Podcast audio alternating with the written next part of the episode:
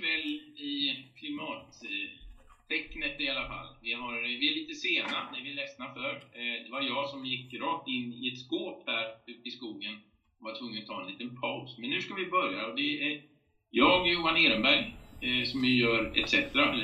Jag gör det inte så mycket längre, jag startade. Eh, och så är det Carl Schlüter som är med oss och vi ska prata om biobränsle. Eh, biobränsle är ju en sak som, inte bara bio, vi tar all bioenergi när vi ändå är på gång. Ja, det är lika bra. Ja. Och ni som lyssnar och tittar, skicka gärna in frågor för jag vet att eh, det här är ett ämne som väldigt många behöver diskutera. Eller hur Carl? Ja, och jag, jag, tycker det är glädjande att äntligen har vi fått eh, en bättre och bättre diskussion om det här nu. Sista bara året tycker jag. Och du är Carl Schlüter från Greenpeace numera. Precis, jag har jobbat där ett halvår nu. Eh, och jag är kampanjledare för klimat och systemförändring för det hänger ihop. Ska vi lösa klimatfrågan och biologiska mångfaldskrisen så måste vi ju ändra mer än bara små grejer utan vi behöver ändra ett system som gör livet bättre inom de ramar som naturen sätter. Och det är väl lite grann det den här diskussionen handlar om. För det bio eh, energidiskussionen handlar ju om att man kanske har trott att vi har en lösning som gör att vi inte behöver göra så mycket förändringar. Nej, det har ju varit lätt att sälja in det för politiker. Det är ju mycket lättare att säga du, i smyg byter vi bränsle och så tankar du som vanligt. Det är, det är liksom ingen som behöver ställa upp på någonting eller offra någonting för den lösningen. Så den är ju väldigt bekväm att sälja in. Mm. Vi har en liten eh, ingångsfilm som vi ska ta och titta på. Mm. 2015 enades världens länder om att den globala temperaturökningen ska hållas långt under 2 grader. Förhoppningarna var stora, men vi är inte på väg åt rätt håll. Kort efter Parisavtalet valdes Trump till USAs president. The Paris Accord was not designed to save the environment, it was designed to kill the American economy. 2019 släppte CAT en rapport som visade att bara två länder följer Parisavtalet. Utsläppen måste minska och det är bråttom. Istället är vi på väg mot en uppvärmning som är dubbelt så hög som länderna kommit överens om. Sveriges lösning, ja, det är bland annat biobränslen. Så vad är skillnaden mellan biobränslen och bränslen från olja? Biobränslen kommer från biomassa och det är något som har varit levande. Både biobränslen och vanliga bränslen släpper ut koldioxid som bidrar till den globala uppvärmningen. Skillnaden den är att eftersom biobränslen är gjord på växtlighet så tar växterna under sin livstid upp koldioxid. När växtligheten förbränns ja då åker koldioxid ut i atmosfären igen. Stor klimatnytta under livstiden. Dåligt för klimatet under förbränningen. Men på sikt blir resultatet neutralt. Men det finns ett problem. Vi har inte tid. Skog behöver 60 till 120 år på sig att återbinda de utsläpp som skapas vid avverkning och uppeldning. För att klara klimatkrisen måste vi enligt IPCC halvera utsläppen på mindre än 10 år. Att bränna bioenergi innebär att utsläppen ökar här och nu. Men här och nu måste utsläppen minska. Hur kan det då komma sig att regeringen storsatsar på biobränslen.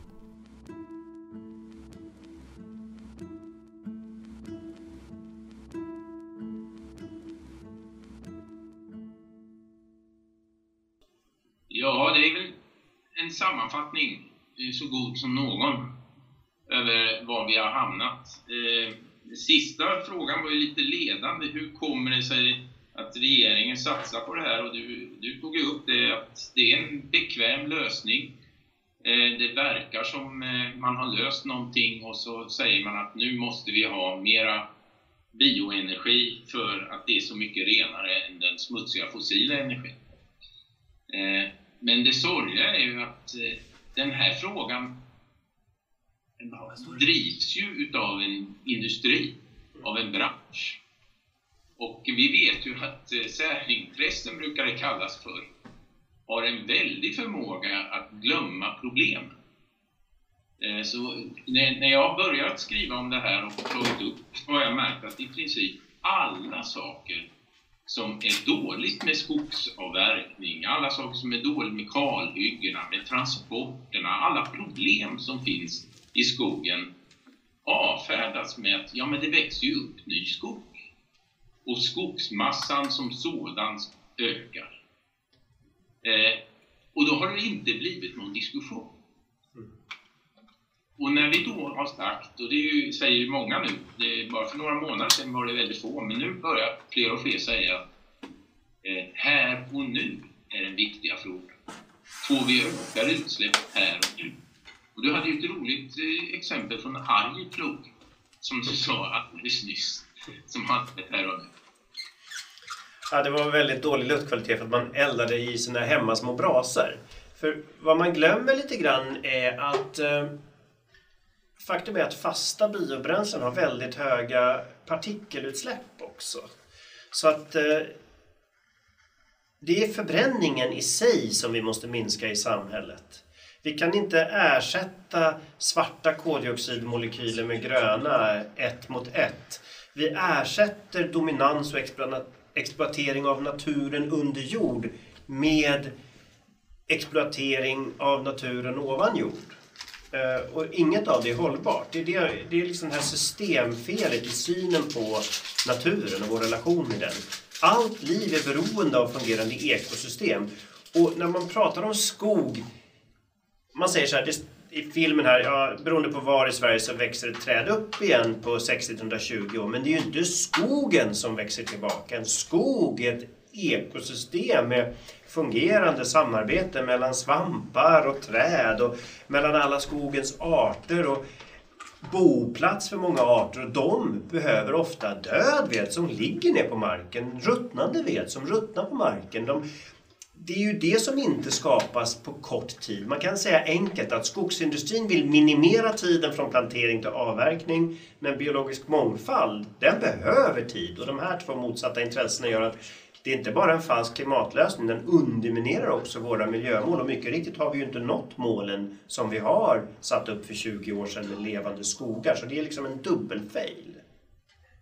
Det intressanta är ju att man har, just det här har ju man pratar om biologiska mångfalden. Jag tror väldigt få har förstått att det handlar inte om att det är synd om svampar eller synd om små insekter eller den, den frågan, utan det handlar om att det sättet som man skapar så kallad skog, alltså plantage, och som vi kritiserar kraftigt om det sker i Indonesien i form av palmoljeplantager och kraftigt i, när man gör någonting i Amazonas och gör en plantage istället för en levande skog.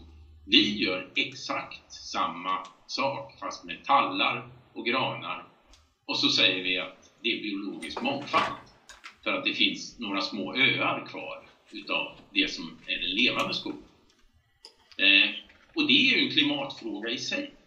Ja, det är faktiskt rätt intressant. Om man tittar på en skog som är blandad ålder. Man, man, kan, man behöver faktiskt inte kalhugga skog om man nu behöver trä. Du bygger hus och min syster är träbyggnadsarkitekt, då behöver man trä. Men man kan faktiskt då ha ett skogsbruk som är designat för att göra långsiktiga produkter. Och då har man ett kontinuitetsbruk där skogen har olika ålder. Ett, ett skogbruk där det finns olika arter av träd i samma skog. En sån skog är ofta motståndskraftigare och faktum är inte sällan också kan snabbare binda in mer koldioxid och är trevligare att vara i för ekoturism och är motståndskraftigare ofta mot både insektsangrepp och naturkatastrofer. Så att, eh, och, och det som vi glömmer bort då är inte bara alla dessa värden. Om man tittar på skogsbruket idag, du pratade om egenintresset, men frågan är vems egenintresse? För som skogsägare idag, vad ska du göra då? Jo, då ska du först kalavverka allting. Och så ska du markbereda. Och så ska du plantera supertätt. Och sen ska du röja bort för att du planterar så tätt. Och sen ska du gallra. Och röjningen får du ingenting för betalt. Och, och plantage kostar pengar. Och, och, och, gräva upp marken kostar pengar. Och så när du gallrar, då får du dåligt betalt. Det blir ganska mycket massaved. Och sen till slut då så får du kanske lite pengar på det du hugger ner till slut. Och det är ju det som gör att hela skogsbruket är designat för att få billigast möjliga råvara till pappersmassaindustrin och viss del sågtimmer.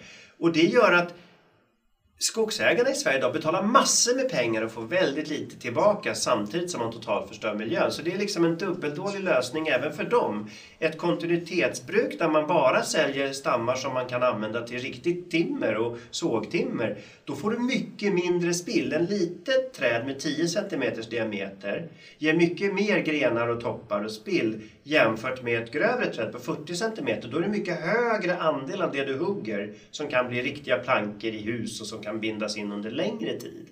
Så att även den dimensionen saknar jag. Här tycker jag är lite tråkigt att jag tycker många LRF är med i LRF och så agerar man faktiskt mot sitt egen intresse när man bekämpar alla förändringar i skogsbruksmetoder, till och med när de skulle vara lönsamma rent ekonomiskt. Mm. Det är kortsiktigheten som råder och kortsiktigheten blir en eh, mycket långsam lönsamhet för de som då driver själva skogen. Det blir väldigt lönsamt för pappersbruken, ja. men inte lönsamt för de som eh, egentligen är de som har värdena och vårdar värdena. Eh, det här med kontinuitetsskogsbruk tycker jag är roligt för så många gånger som man har diskuterat det och folk har sagt det finns inte, det finns inte, det går inte. Men det finns ju dels jättestora sådana i Österrike och i andra länder. Och nu finns det i Sverige också. Det, det, det, går ju att ta hand om skogen och avverka på ett annat sätt. Ja, det heter ju till och med Lübeck-modellen. Men, men framförallt vad, vad få svenskar känner till. När man frågar svenskar så tror man att vi är världsledande på skogsskötsel, att vi är så bra på det här. Men om man jämför EU-lagstiftning, alltså jämför ländernas lagstiftning i EU, för skogen är ju faktiskt i stora delar nationell lagstiftning fortfarande. Och då ser man att det är väldigt få länder förutom Sverige och Finland som tillåter dessa extrema, enorma kalhyggen. Nej, men jag tycker det är där man saknar helhetssynen. att Du sa förut att man ska återvinna papper. Jag skulle gå ett steg längre. Fundera på vilka förpackningar är faktiskt nödvändiga som vi använder idag. Och, och, måste vi köpa allting nytt? Jag tycker det är jättekonstigt. Det finns tvättstuga i hyreshus, men varför finns det inte ett litet verktygsförråd så alla slipper ha varsin borrmaskin och varsin grej hemma? Varför inte ett litet verktygsförråd lika självklart som en tvättstuga egentligen? Varför ska alla ha sin egen grej? En genomsnittlig borrmaskin i Sverige idag under sin livstid går 30 minuter aktiv snurrtid.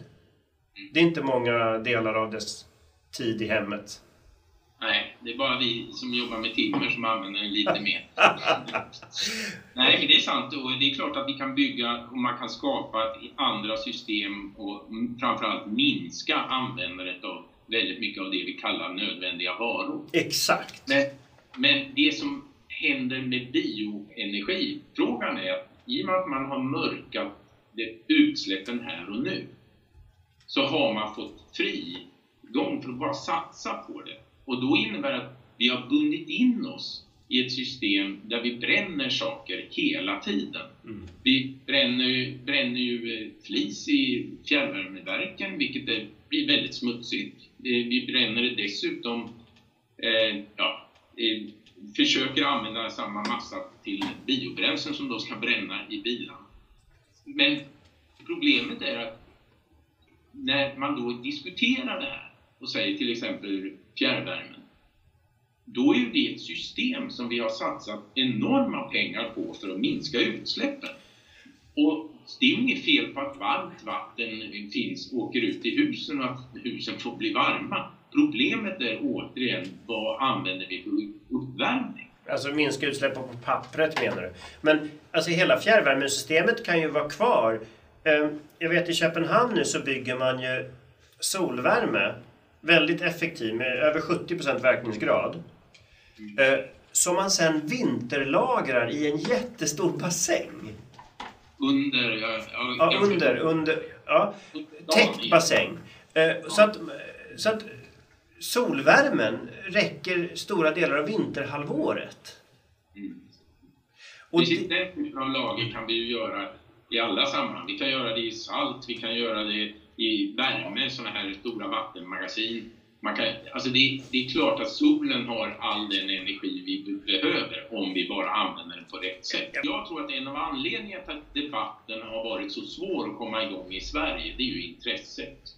Eh, när man är ute och pratar om precis samma sak och samma problem i Europa, i andra länder eller till och med i USA, så får man ju helt andra svar från forskare och andra. För där är bioenergin redan problematiserad. Eh, alla inser att det kommer att finnas vissa små funktioner för bioenergi i ett samhälle, men det är absolut inte en lösning på det fossila hotet. Alltså folk pratar ju om 130, 140, 150 terawattimmar energi från bioenergi. Det, det är helt galet. Jag håller med. Det, till exempel biogas. Så här får jag ju då göra en declaration of interest. Det var ju mitt examensarbete att göra biogas från sopor. För jag har vissa vested interest. Men, men, men, men där finns det en, en, ja, ungefär 4 terawatt. Det, det, är bra. Jag menar vår avföring och djurens avföring. Det är klart vi kan göra biogas på det. Öka torrhalten och få lite rötgaser. Det är inget fel med det. Men um, den här massiva satsningen är ju helt, helt verklighetsfrånvänd ur två perspektiv. Dels att vi behöver binda in snabbt mer kol i skogen och dels för att vi inte kan fortsätta förbränningstekniken. Den är ineffektiv ur alla aspekter. Men en annan dimension som jag tycker man sällan pratar om det är vad är det vi eldar upp? Man kallar det för rester. Ska vi ta dem bit för bit? Tallolja, det är restprodukter från massaindustrin. Nej, men den behöver kemiindustrin om de ska ersätta fossil råvara. Om vi eldar upp den istället, vad kommer fossilindustrin göra då? Ta till exempel eh, rester från eh, jordbruket, från raps och annat. Om vi försöker pressa ut mer olja ur den, ja, vad ska då djuren ha för foder som man använder rapskakor till idag? Om vi tittar på grot, där grenar och toppar från skogen som många nu vill elda upp massor av. De behövs för att minska körskadorna. De behövs för att vara död ved, alltså bostad åt insekter så att ekosystemen fungerar. Och de också ökar återväxten av skogen om man låter mer vara kvar. Så det är inte heller bara bortkastat. Och dessutom då bit för bit, vad man än tittar på så finns det alltid en användning som är smartare än biobränsle. Om man, om man tittar på eh, sågspån och annat, ja varför inte försöka göra textilier av det som ersätter den otroligt energi och giftsprutande bomullsproduktionen. Alltså, det är nästan alltid så att biobränsle är det för klimatens sämsta alternativet. Det handlar ju också och det, det beror ju på att det är, det, det är den stora öppningen i snabb ekonomi att kunna snabbt eh, expandera biobränsle, då, är, då mm. finns det ju en marknad som man säger. Och marknaden är skapad av att vi ska bli av med bensin och diesel. Men i själva verket så finns det ju i alla sammanhang mycket bättre alternativ.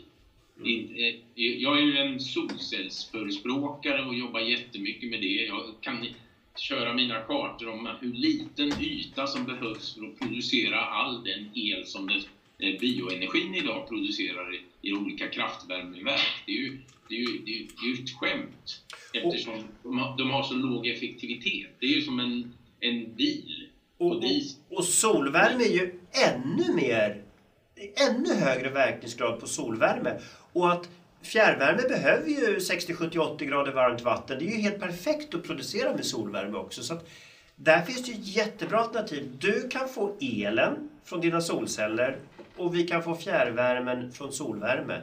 Och dessutom går den att lagra delvis. Så att eh, jag ser att det här är otroligt stor potential att använda existerande system men strunta i att elda upp biomassa.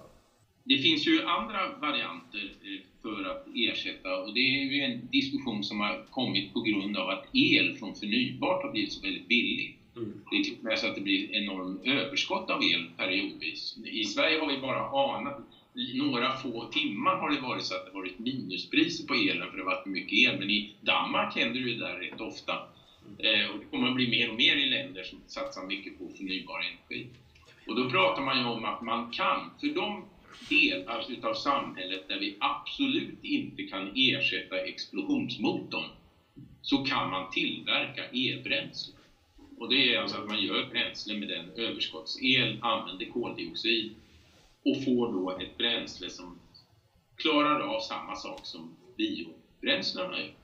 Och det är väl alltså så här, under en snabb utfasning så finns det ju den typen av nischlösningar som man kan använda. Och, och jag menar, en del talar om grön vätgas. Om du är i norra Norrland och elpriserna är nära noll, ja då kan du väl lika gärna göra lite vätgas på den och använda till olika bra tillämpningar. Men, men det är liksom det gäller för oss att inse att vi kan inte hålla på med den här exploaterande, dominerande syn på naturen. Utan vi måste inse att det är ett medberoende. Människan har ju faktiskt löst de problem som vi hade förr i världen om att vi, vi kunde inte tillverka saker som gjorde våra liv bekväma. Nu kan vi tillverka mer än vad vi behöver. Det är fördelningen som kanske är lite dålig, eller fördelningen är dålig. Eh, men vi kan tillverka allt vi behöver. Så den nya utmaningen är inte längre att omvandla natur till bekvämligheter utan den nya utmaningen är att låta vår ekonomi hållas inom de ramar natur och ekosystem och biologisk mångfald och klimat sätter på oss. Det är ju den nya utmaningen och då alla de här gamla lösningarna som går ut på att ta ut max ur naturen och omvandla det. Det är, det är döda lösningar nu. Vi måste ha en ny syn på vad syftet med ekonomin är.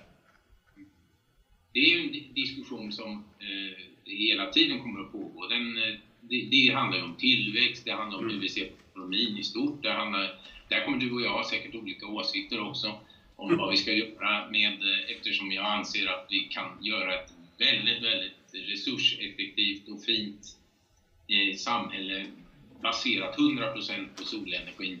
Eh, vilket gör att jag inte är lika orolig för eh, resursfrågan. Men däremot så eh, kommer vi ju inte att kunna det, det, det, I början här så fick vi den här fina att eh, det är bara två länder som har uppfyllt Parisavtalets plan än så länge. Och jag vet att många tror direkt att det är Sverige, ett utav dem. Problemet är att vi, när regeringen har bundit sig, för det har man gjort, och med Fossilfritt Sverige, med Svante Axelsson som en av de stora aktörerna här, så har man hela tiden gjort att lösningen är elektrifiering men först bioenergi och biobränsle. Och det gör ju att Sverige har fått en situation där EU faktiskt håller på att stoppa den svenska bioenergiexpansionen. Ja, man har ju mycket mer nykter syn på bioenergi i andra länder. Jag var EU-parlamentariker ett antal år och det var en enormt annorlunda debatt i resten av Europa kring det här. Och, och den här myten om att att ja, ja, det är bara tillfälligt. Men, men, men, det är ju aldrig så någonting funkar.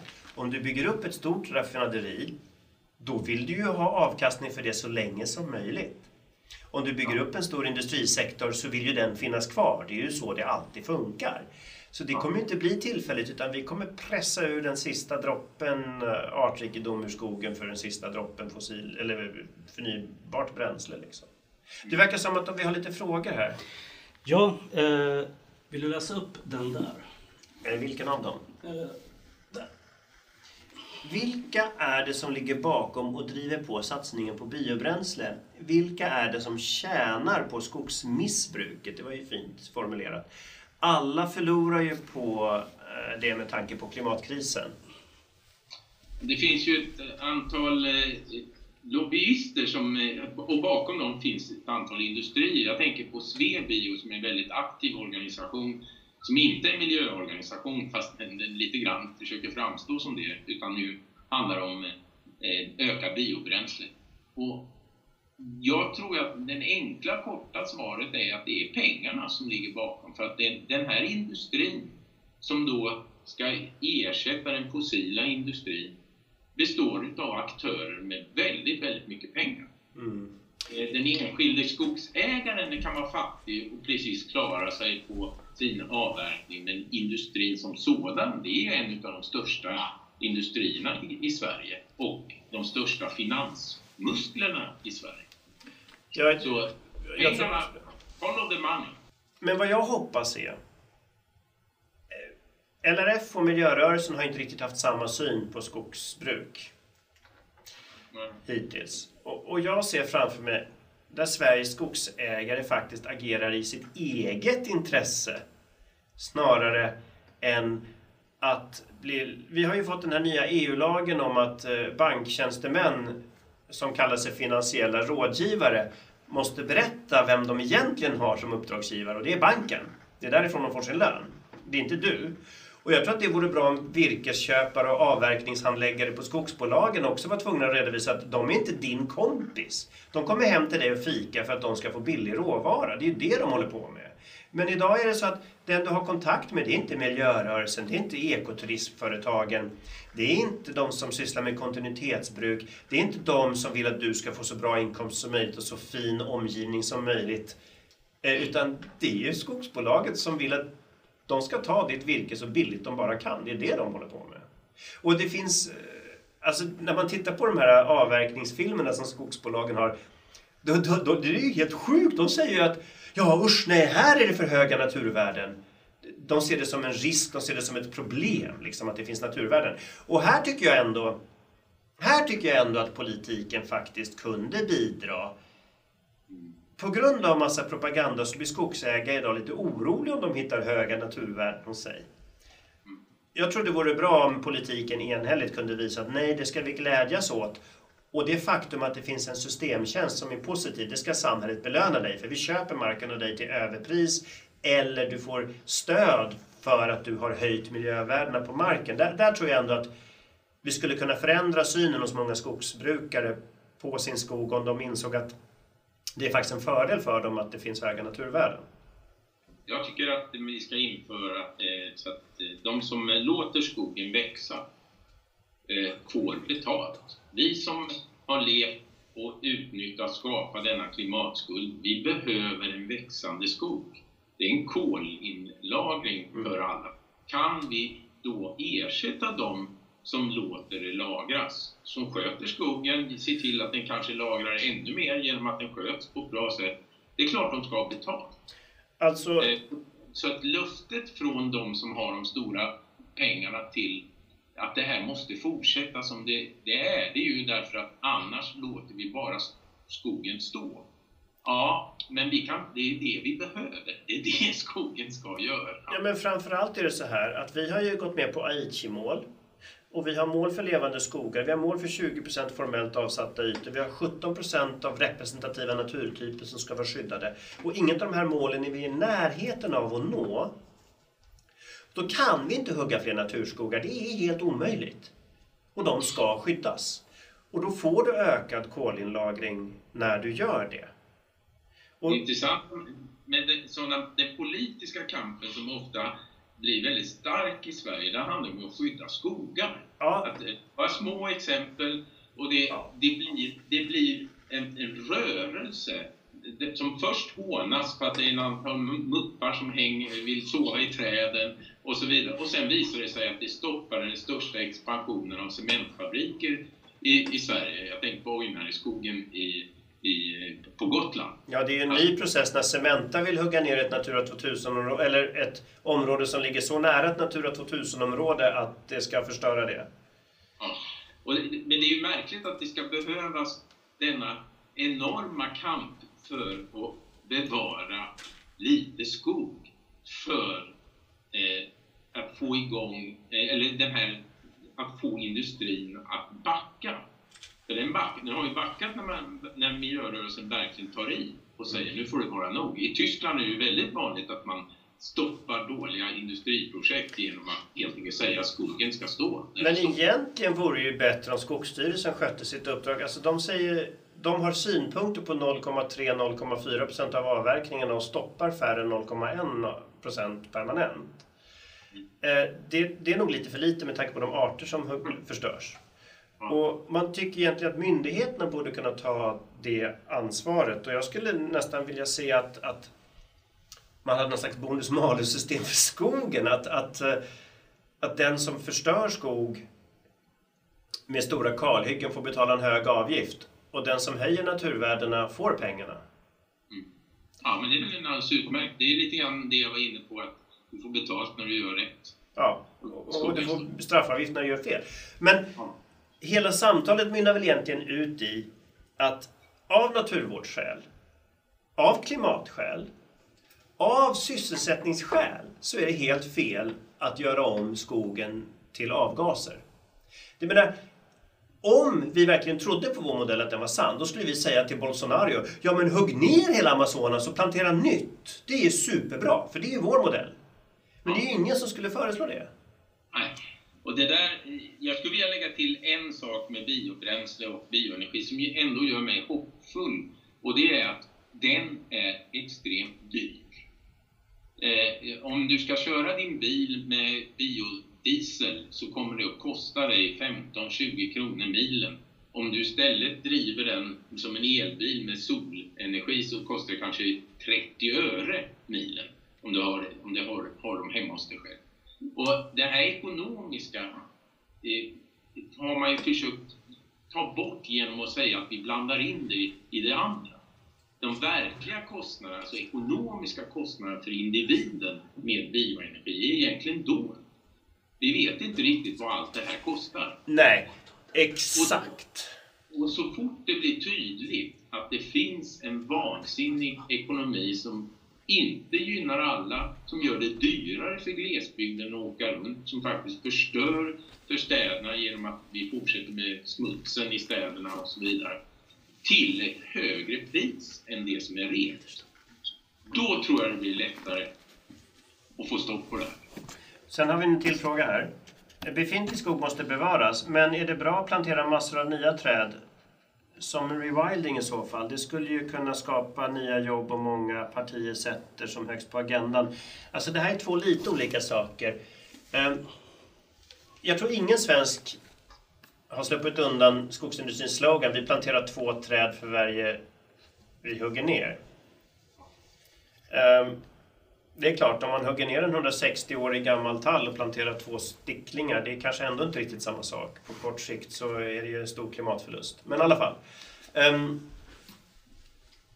jag tror att um, det är ju inte skog som planteras, utan det är Managed forest finns det på engelska. Det är inte riktigt plantage. Det uppfyller inte riktigt definitionen för plantagebruk, men nästan. Och det kallas för managed forest. Men den termen används inte i Sverige någonsin.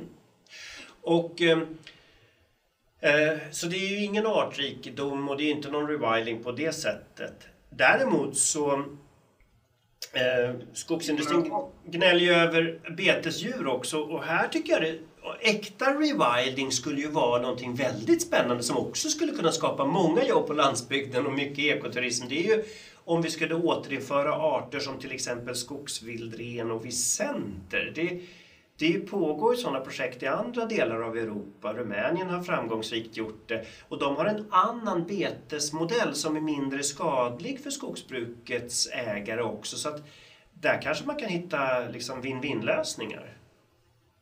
Jag gillar ju fjällko. Jag gillar ju att kor bor ju gärna i skog och äter också sånt. De är inte bara ute på de här monokulturåkrarna, utan de kan gå in i skogen också. Så mera, mera, mera kossor i skogen. Alltså, sko jag tänkte, eh, eh, vi ska avbryta, eller vi har pratat i 45 minuter nu. Ja, det får räcka. Ja. Eh, så ha, finns det en sista fråga så tar vi den. Uh, nej. Nej, inte just nu. Nej. Men då skulle jag vilja att du på två minuter förklarar varför du tycker att vi inte ska satsa på biobränsle, så ska jag göra samma sak. Ja. Hela vår klimatpolitik måste bygga på minskad förbränning och ökad respekt för natur och de ekosystem hela livet är beroende av. Då kan vi inte ersätta exploatering under mark med fossilt med att exploatering ovan mark med bioenergi. För de släpper ut samma mängd koldioxid. Och teorin är att den ska bindas in, men det gör skogen även om vi inte hugger ner. Och om vi snabbt ska få ner utsläppen, då är det viktigt att skogen får jobba gratis åt oss och vi använder vår pengar och vår teknik för att investera oss ur energiberoende, satsa på energieffektivisering, logistik som minskar transporterna, att eh, förflytta investeringspengar till saker som minskar energiförbrukningen, minskar resursförbrukningen, eh, satsa pengarna på affärsmodeller som minskar konsumtionen av sånt som kräver råvaror. Då har vi en klimatpolitik som börjar i rätt ände. Och Dessutom, så gå inte på bluffen om att utsläppen minskar. Det visar vi med, från våra siffror från Greenpeace idag. Men också, gå inte på bluffen om restprodukten. Nästan allting som man vill göra biobränsle av har större värde att lämnas kvar i skogen.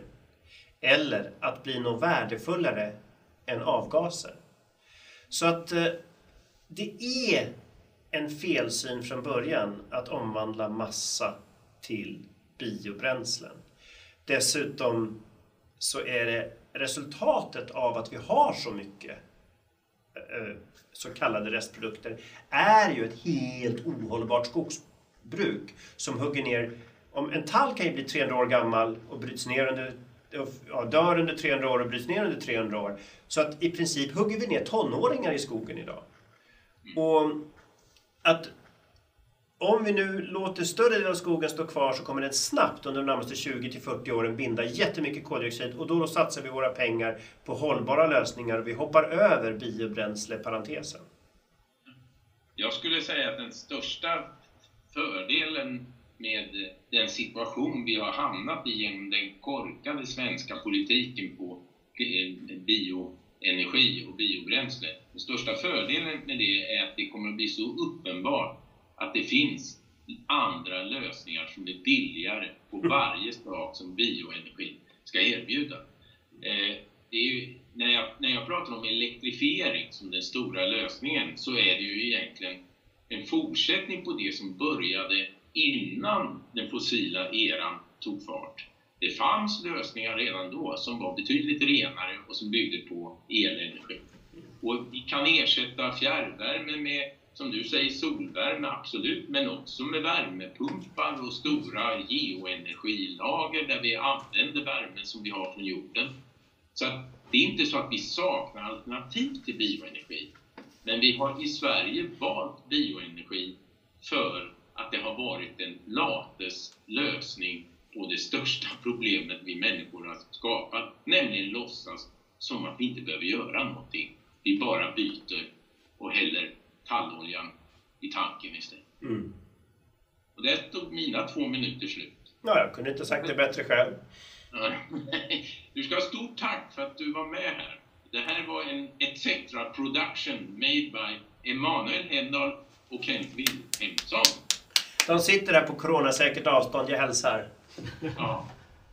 Så tack alla ni som tittade och lyssnade och eh, ni får jättegärna skicka mejl till eh, johan.etc.se med frågor för allt det som du inte vågade fråga, eller inte hann fråga, för att Karl sa så väldigt mycket bra saker.